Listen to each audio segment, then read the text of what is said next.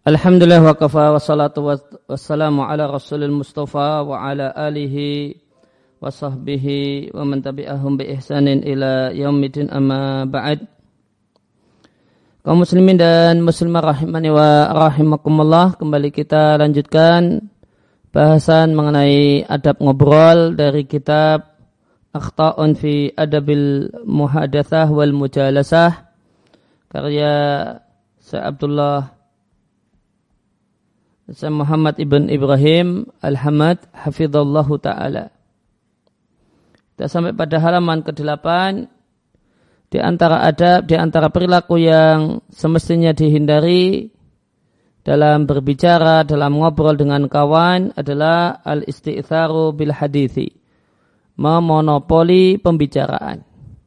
Menguasai pembicaraan. Ini ngobrol satu jam, yang ngobrol cuma uh, ada tiga orang yang ngobrol cuma yang ngomong cuma satu orang saja.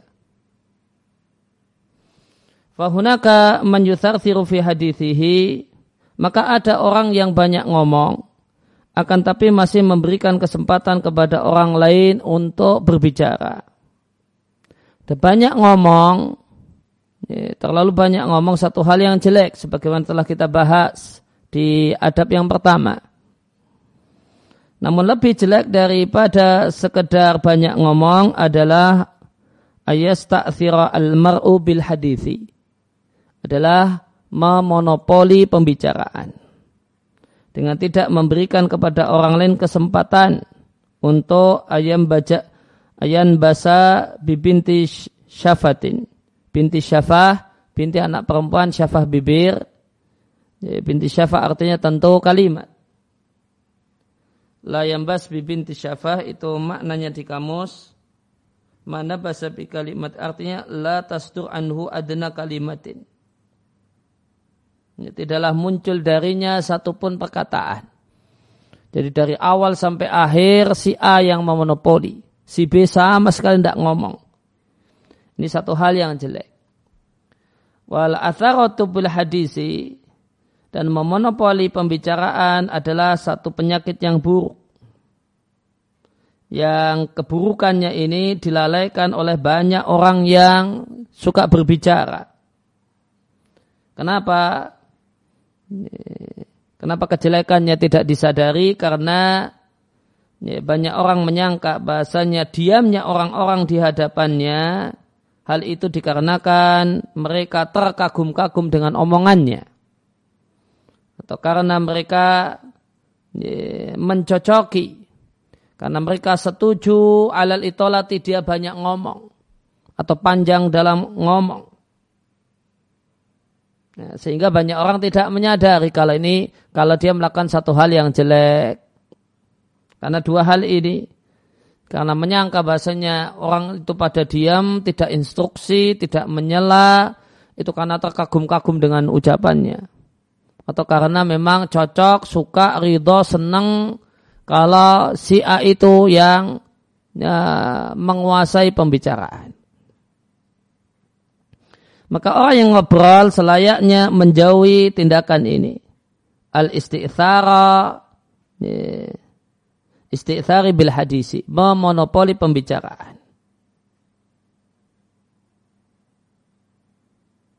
Dan janganlah mencela orang lain yang memonopoli pembicaraan namun membolehkannya untuk dirinya sendiri.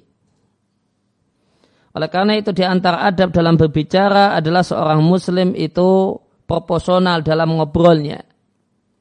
Ya, di uh, forum-forum obrolan.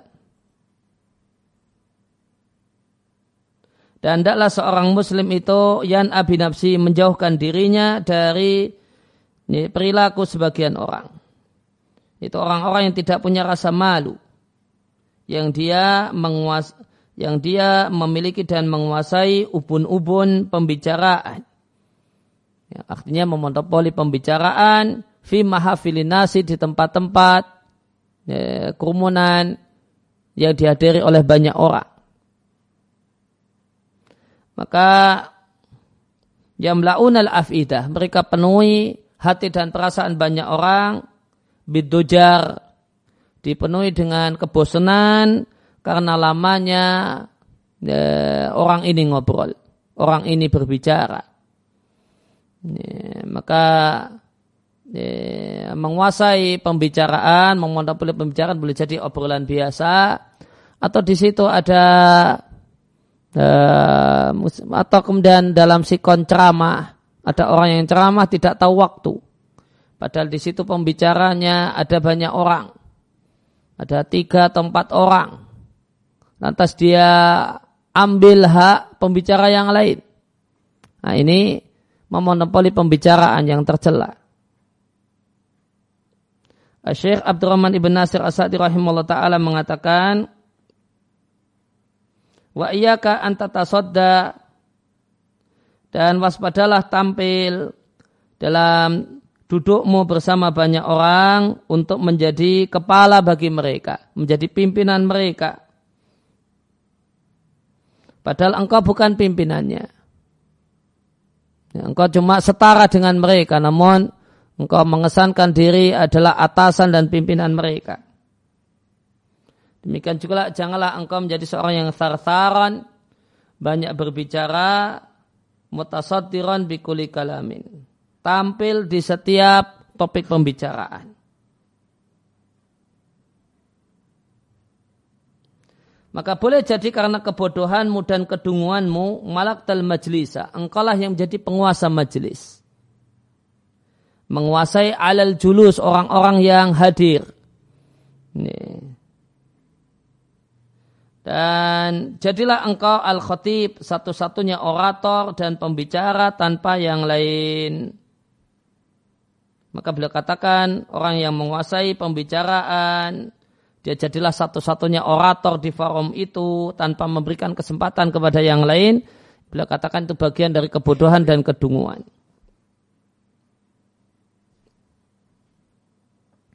Masih kata Syekh Ibnu Sa'di di halaman 9, Wa inamal al-adabu syar'iyyah wal urfiyah. Ya, hanyalah yang sesuai dengan adab menurut syariat, menurut agama, dan menurut kebiasaan. Maka adab yang baik adalah mutarahatatullah ahadis, bertukar pembicaraan. Si A berbicara, disambung si B, disambung si C, kembali ke si A, dan seterusnya.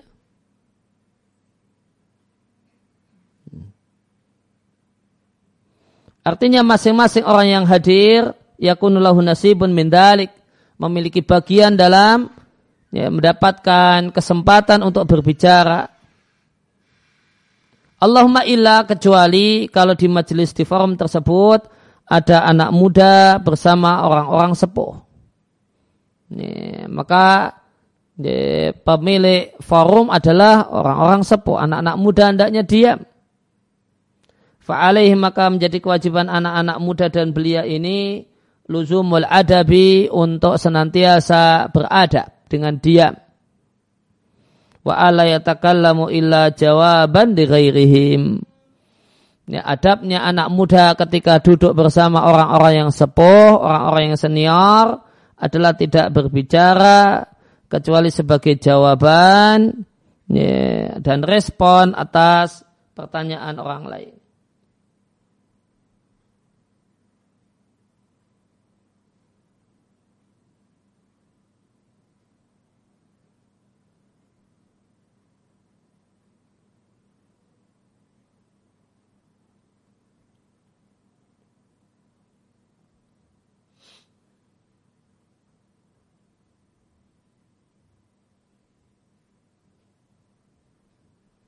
Nah, kemudian ada yang ketiga atau hal yang ketiga yang seharusnya dihindari ketika berbincang dengan kawan, dengan tetangga adalah al hadisu ani nafsi ala sabil mufakharati. Menceritakan diri sendiri dalam rangka membanggakan diri, dalam rangka pamer. Maka sebagian orang layaf ta'u terus menerus berbicara tentang dirinya dia sebutkan kelebihan dirinya. Dia puji-puji aktivitasnya. Wa yaftakhiru dia bangga-banggakan apa yang muncul dari dirinya. Min afdalin berupa berbagai macam kebaikan wa ayadin dan jasa. Dan termasuk dalam hal ini adalah tahadutsuhu seorang itu membicarakan tentang dia ya, membicarakan keterkagumannya terhadap ucapannya sendiri. Kekagumannya dengan buku karyanya sendiri atau syair yang dia susun dan semua hal-hal yang ya khusuhu berkenaan dengan pribadi dirinya. Membicarakan kalau dia terkagum dengan kendaraan yang dia miliki, terkagum dengan rumah yang dia punyai, terkagum dengan laptop yang dimiliki, HP yang dimiliki. Nah, ini semua ya, adalah satu hal yang tercela. Dan termasuk dalam hal ini yaitu membangga-banggakan diri sendiri adalah ngobrol menceritakan cerdasnya anak-anaknya. Anak pertama itu pinternya gini-gini, nomor kedua itu gini-gini-gini, punya cerdas, pinter, sudah bisa baca tulis, ya, sudah bisa lacak baca Quran, ketika TK, ya, sudah bisa nulis ketika usia sekian. Demikian juga menceritakan berita tentang anaknya. Anaknya sekarang ini sudah semuanya sudah sukses. Sehingga nomor satu ini begini-begini pekerjaannya, rumahnya, dan seterusnya kendaraannya. Nomor dua juga begini-begini. Demikian juga membicarakan tentang ya, tentang istrinya.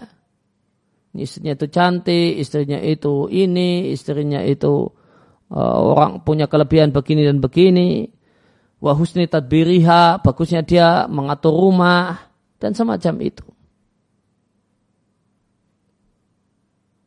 Dan hukum asal seorang itu memuji diri sendiri itu terlarang.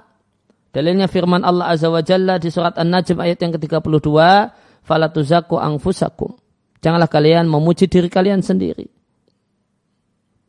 Dan memuji diri sendiri itu termasuk dalam iftikhar ghaliban. Umumnya seringnya itu masuk dalam iftikhar membangga-banggakan diri. Fa'in wujida maka jika dijumpai faktor yang mengharuskan untuk menceritakan diri sendiri dan memuji diri sendiri, imali ta'rif boleh jadi untuk memperkenalkan diri uh, misalnya atau kurikulum vitae uh, ya karena mau jadi pembicara dalam sebuah seminar atau kurikulum vitae untuk uh, ta'aruf.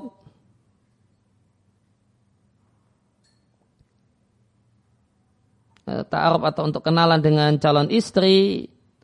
Wa imma dan boleh jadi untuk menjelaskan perkara yang tidak jelas. Atau memuji diri sendiri untuk lidaf itu matin.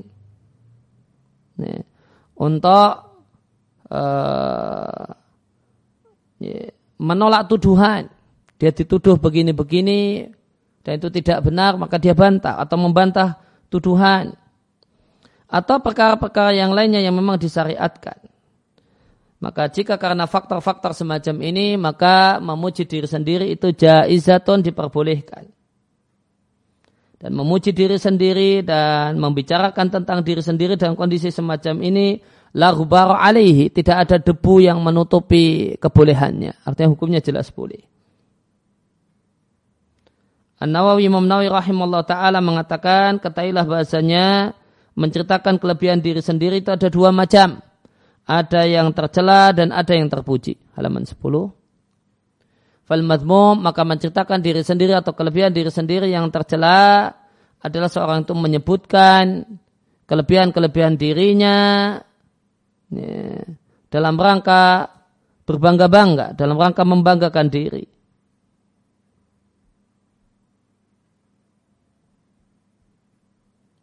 Wa idharal irtifa dia mau menampakkan kalau memiliki kalau tinggi, kalau memiliki Eh, kelebihan. Watamayus anil alal akran. Dan tujuannya menceritakan tentang dirinya adalah untuk menunjukkan kalau dia istimewa dibandingkan kawan-kawannya. Atau semacam itu. Wal mahbubu sedangkan yang disukai menceritakan kelebihan diri sendiri yang dicinta, yang disukai adalah eh, manakala ada maslahat diniyah, ada maslahat agama. Semacam dia adalah seorang yang uh, dalam uh, ketika dia adalah orang yang memerintahkan kebaikan dan melarang kemungkaran. Atau memberikan nasihat. Ya, memberikan masukan di masalahatin satu masalahat atau mu'aliman atau dia adalah seorang guru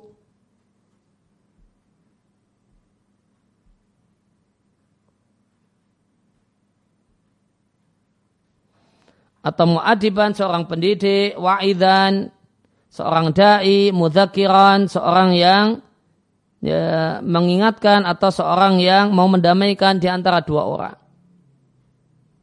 Ya, maka dalam kondisi-kondisi ini kemudian dia uh, menceritakan kelebihannya dalam rangka pengajaran, maka ini satu hal yang terpuji dan tidak tercela.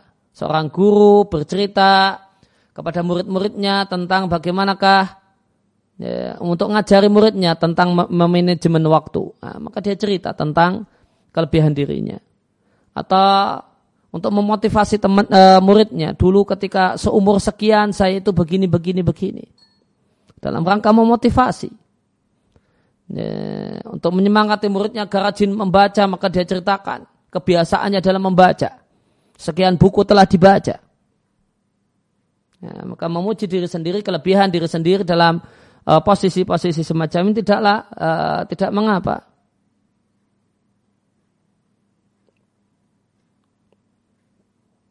Demikian juga manakala motivasinya untuk membantah an-nafsihi syara, membantah kejelekan dari dirinya atau semacam itu. Maka dia sebutkan sisi-sisi unggul dirinya dengan niat bidalika Dengan niat supaya ayakuna hadza aqraba ila qabuli qaulihi. Dengan, niat supaya perkataannya lebih mudah untuk diterima. Waktimati mayadkaruhu dan dipegangi apa yang dia sampaikan. Karena uh, audien tahu bahasanya orang ini adalah orang yang memang ahli. Memang dia adalah pakarnya maka disebutkan kelebihan-kelebihannya. Maka ketika mengingatkan orang lain boleh jadi orang yang diingatkan itu ngomong, siapa Anda? Hmm. Siapa Anda? Atau ketika ngajak kebaikan ada boleh jadi orang yang enggak. Siapa Anda? Nah kemudian disebutkan. Oh, saya seorang dai, saya begini, saya begini. Ya, saya cuma ingin mengajak Anda untuk melakukan kebaikan, meningkatkan Anda untuk meninggalkan keburukan semacam ini. Waqad ali hadal makna kata Imam Nawawi dan terdapat ya, pesan semacam ini mala yusa minan nusus dalil yang tak terhitung banyaknya. Kemudian beliau Imam Nawawi rahimahullah taala membawakan sejumlah contoh dalil tentang hal tersebut.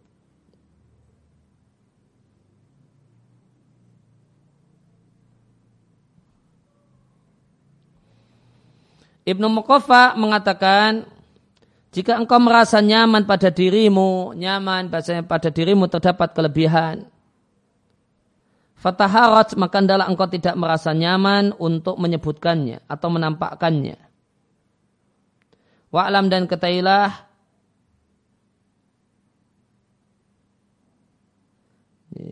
anna dhuhurahu minka munculnya hal tersebut dari dirimu bidalikal wajib dalam bentuk semacam itu yukarral itu akan menanamkan untukmu dalam diri banyak orang minal aibi celaan atau dianggap aib keburukan. Aksar lebih banyak daripada apa yang tertanam untukmu dalam hati mereka minal fadl berupa kelebihan. Ya, kata Ibnu Mukofa, orang yang senang menceritakan kelebihannya kepada orang lain, itu sering kali umumnya tidak menyebabkan orang lain itu terpesona, terkesima. Kagum, enggak. Orang yang suka menceritakan kelebihannya itu malah menyebabkan di hati audien, di hati orang, dia itu lebih tercela. Maka yang dihasilkan adalah aib ini dianggap jelek karena sok, ini dianggap sok, sombong, gaya, ini, ya, merasa hebat dan seterusnya. Itu yang uh, itu yang masuk ke hati orang yang mendengar. Bukan, uh, dia punya fadl, dia punya kelebihan, dia, uh, orang hebat ternyata. Maka lebih banyak masuk, oh dia orang ini orang yang sombong, orang yang uh, membanggakan diri sendiri dan seterusnya daripada uh, masuk ke dalam hati mereka kekaguman.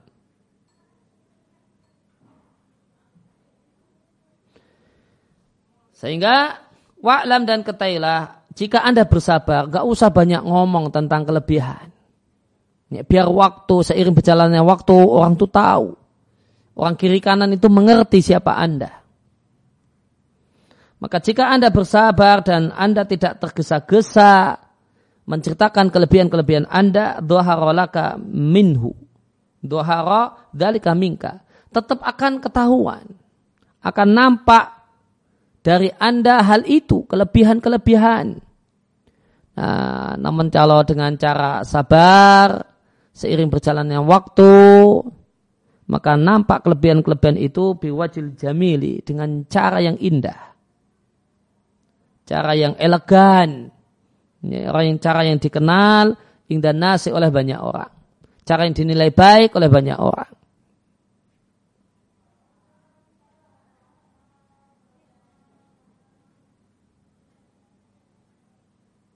Walayak fayanna alaika janganlah samar atasmu. Artinya hendaklah ya, gamblang dan engkau sadari bahasanya antusias luar biasa seorang untuk menampakkan apa yang dia miliki. Wakillah tawakarihi dan sedikitnya wibawa dirinya dan hati-hati dirinya dalam masalah itu. Ini adalah babun min ababil bukhli wal lu'mi. Adalah salah satu pintu pelit dan pintu eh, kehinaan.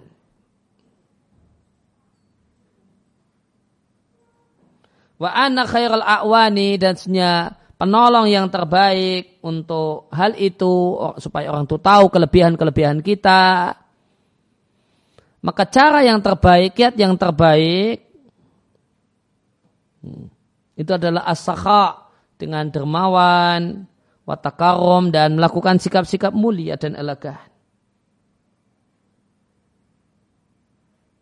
Maka jika Anda ingin memakai pakaian kewibawaan, wal jamal dan keindahan, dan Anda berhias dengan perhiasan rasa cinta, indal ammah di hadapan umumnya banyak orang dan masyarakat.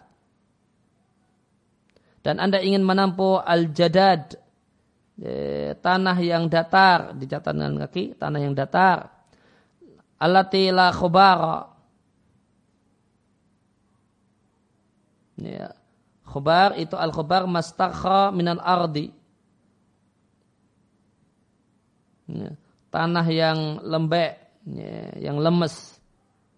Wala ithara, ya, dan tanah yang tidak bikin terpleset.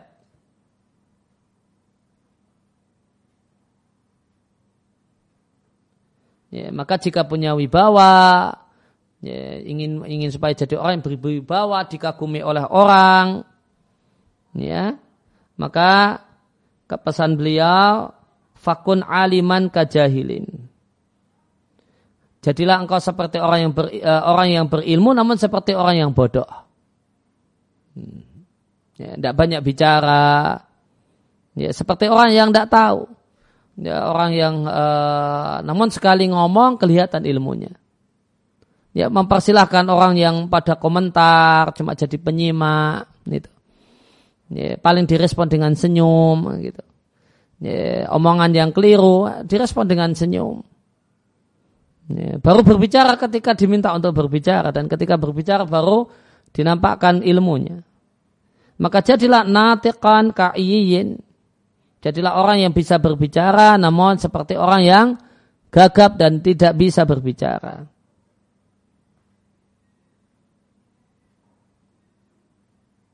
Nah, apa faedahnya? Apa manfaat sikap di atas punya ilmu? Realnya punya ilmu. Namun sikapnya ya tidak banyak ngomong. Saya itu orang berilmu loh. Saya itu orang pinter loh. Saya itu punya hafalan sekian. Saya itu sekian begini-begini. Apa manfaatnya bila katakan amal ilmu Adapun realita Anda, bahasanya Anda orang yang berilmu, maka itu membuat Anda tampil indah. Wa yurshiduka dan membimbing Anda untuk melakukan tindakan-tindakan yang tepat.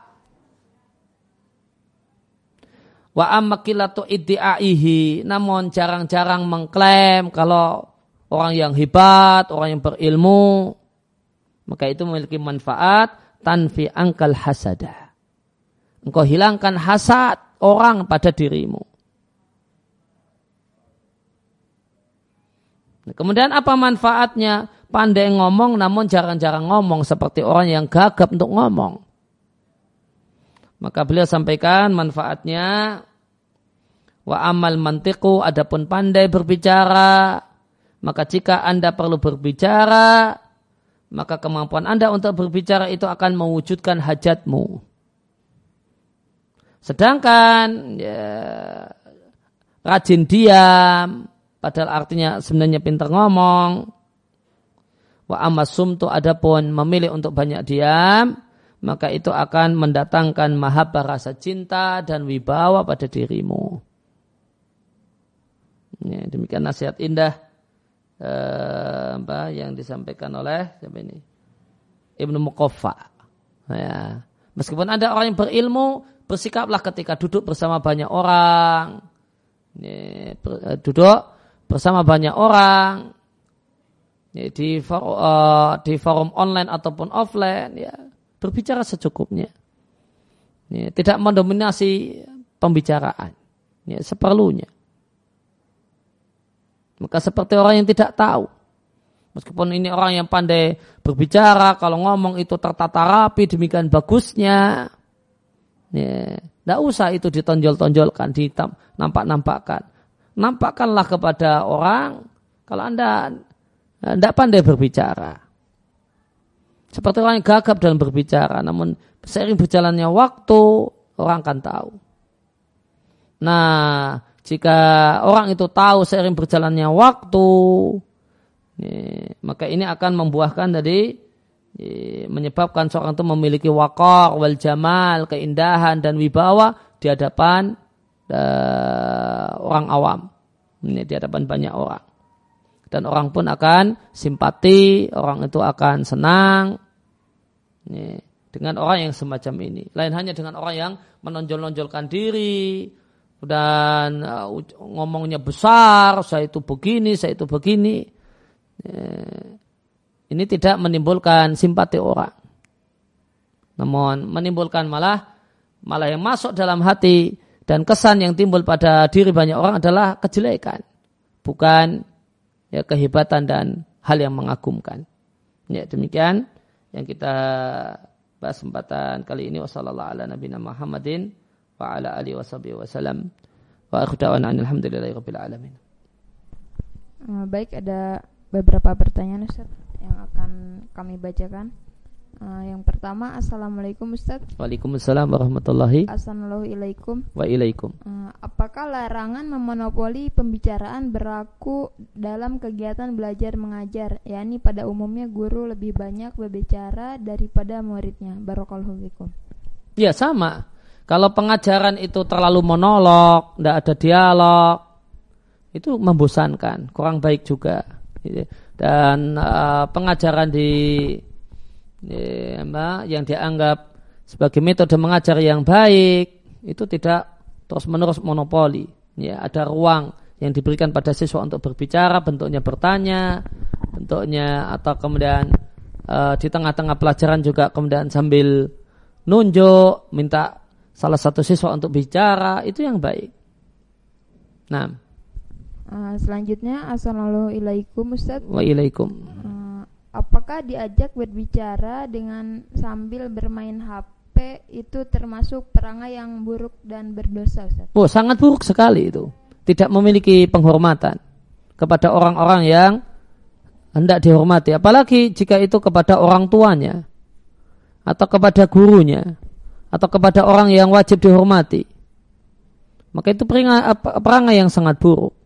Termasuk dalam hadis walam yuwakir kabirona bukalah umatku orang yang tidak hormat dengan orang yang lebih tua. Dan Nabi tidak menyebutkan bentuk tidak hormat kepada orang lebih tua itu bentuknya apa? Nabi tidak sebutkan. Maka kembali kepada budaya. Ketika budaya mengatakan di antara bentuk tidak hormat kepada orang yang lebih tua adalah diajak ngomong sama orang tua, diajak ngomong sama guru, namun malah asik balas chat WA kawannya dan malah asik scroll buka uh, uh, Facebook dan yang lainnya. Nah. Uh, baik, pertanyaan selanjutnya Bismillah. Uh, Assalamualaikum Ustaz.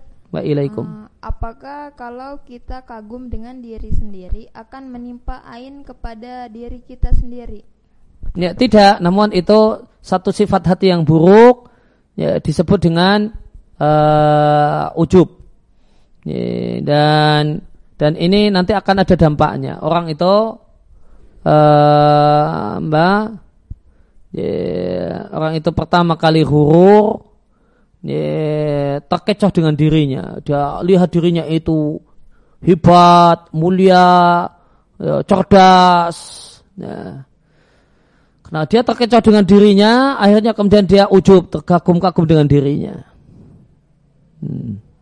Ya. Setelah itu, ini maka bisa ditambah dengan uh, kemasukan orang lain itu rendah, hina, nah, jadilah sombong. Dan Nabi Shallallahu Alaihi Wasallam menyampaikan siapa yang ada di hatinya seputar bididarah berupa kiber kesombongan, maka dia tidak akan masuk surga Allah Subhanahu Wa Taala. Nah. Uh, baik, selanjutnya Uh, Assalamualaikum Ustaz Waalaikumsalam warahmatullahi hmm, Apakah boleh mengobrol ketika makan? Ya, ngobrol kita makan secukupnya seperlunya boleh. Bahkan uh, sama sekali tidak ngobrol bahkan melarang ngobrol ketika makan adalah perilaku orang Yahudi dalam ber, uh, dalam kegiatan makan. Namun ada kalimat sedikit tidak mengapa. Ya, tapi kalau banyak kemudian airnya bikin tersedak ya, tentu berbahaya. La Tidak boleh melakukan hal yang menimbulkan bahaya dan uh, bahaya bagi diri, diri sendiri ataupun orang lain. Nah. Baik selanjutnya Assalamualaikum. Waalaikumsalam. Puan Ustadz izin bertanya materi kemarin. Ustadz jika ibu bercerita kepada anak dengan banyak cerita itu sebaiknya mengingatkan atau uh, dengarkan saja. Uh, maka di antara kerasan orang tua atau orang itu adalah suka cerita dan boleh jadi cerita yang sama diulang-ulang. Maka di antara akhlak mulia seorang anak ya, ya, adalah jadi pendengar yang baik. Ya. Meskipun ibu sudah cerita ini untuk kelima kalinya, ya tetap disimak seakan-akan baru pertama kali mendengarnya. Dan itu di antara adab mulia dan akhlak mulia. Nah. Selanjutnya Assalamualaikum Waalaikumsalam uh, bagaimana, bagaimana etika berbicara dengan anak, suami, dan orang tua? Ya secara umum kalau kepada orang tua etikanya adalah lakukan sikap-sikap yang menunjukkan penghormatan. Kepada sedangkan kepada yang lebih muda maka tunjukkanlah sikap-sikap yang menunjukkan kasih sayang. Gimana bentuk realnya nanti kembali kepada budaya eh, masyarakat secara umum dan budaya orang-orang terpelajar, orang-orang saleh di masyarakat itu. Nah, hmm, selanjutnya eh, bagaimana Bismillah bagaimana cara yang baik untuk memotong pembicaraan orang yang terlalu memonopoli pembicaraan tanpa menyinggung hatinya. Ya per, dia perlu disinggung. Ini sebenarnya dia perlu disinggung supaya menyadari kalau itu satu adab yang dia perlu tersinggung. Supaya dia belajar bagaimanakah adab. Ini, orang itu di antara uh, ya, di antara kiat supaya orang itu jadi dewasa, kemudian bijak dan beradab adalah ya, open terhadap kritikan orang lain. Ya, dia tersinggung, ya, disinggung hatinya sehingga dia menyadari punya kesalahan. Nah itulah yang akan menyebabkan dia uh, uh, dia akan bisa berubah. Tapi kalau tidak tersinggung dia tidak akan berubah. Nah, uh, selanjutnya Ustaz, uh, bagaimana hukum orang yang uh, menyampaikan ide orang lain uh, seakan itu ide dari dirinya? Nah, itu satu hal yang uh, dinilai dalam uh, di kalangan para ulama sebagai satu tindakan yang uh, yang tidak beradab. Dia menyampaikan ide yang bagus itu namanya faidah. Dia dia mengutip faedah yang dia dapatkan dari orang lain dengan kesan seakan-akan itu berasal dari dirinya. Maka itu tercela berdasarkan hadis Nabi Shallallahu Alaihi Wasallam al mutasabi bimalam yu'ta. Di antara hal yang tercela adalah orang itu mengesankan kepada orang lain sesuatu yang tidak dia miliki. Ada ide yang bagus, sebenarnya milik orang lain. Dan dia sampaikan dengan kesan seakan-akan itu berasal dari dirinya. Ya, ya maka ini tercela sebagaimana di tempat kita dan di masyarakat kita tercela yang namanya plagiat. Ya, maka ini plagiat. Dan plagiat itu untuk, uh, hanya berlaku untuk ide-ide khas. Kalau hal-hal umum ya nggak perlu disampaikan sumbernya dari siapa, semuanya orang dah tahu. Karena itu hal pengetahuan yang bersifat umum. Kalau pengetahuan yang bersifat umum, ya tidak harus disebutkan, disampaikan ini dapat dari siapa.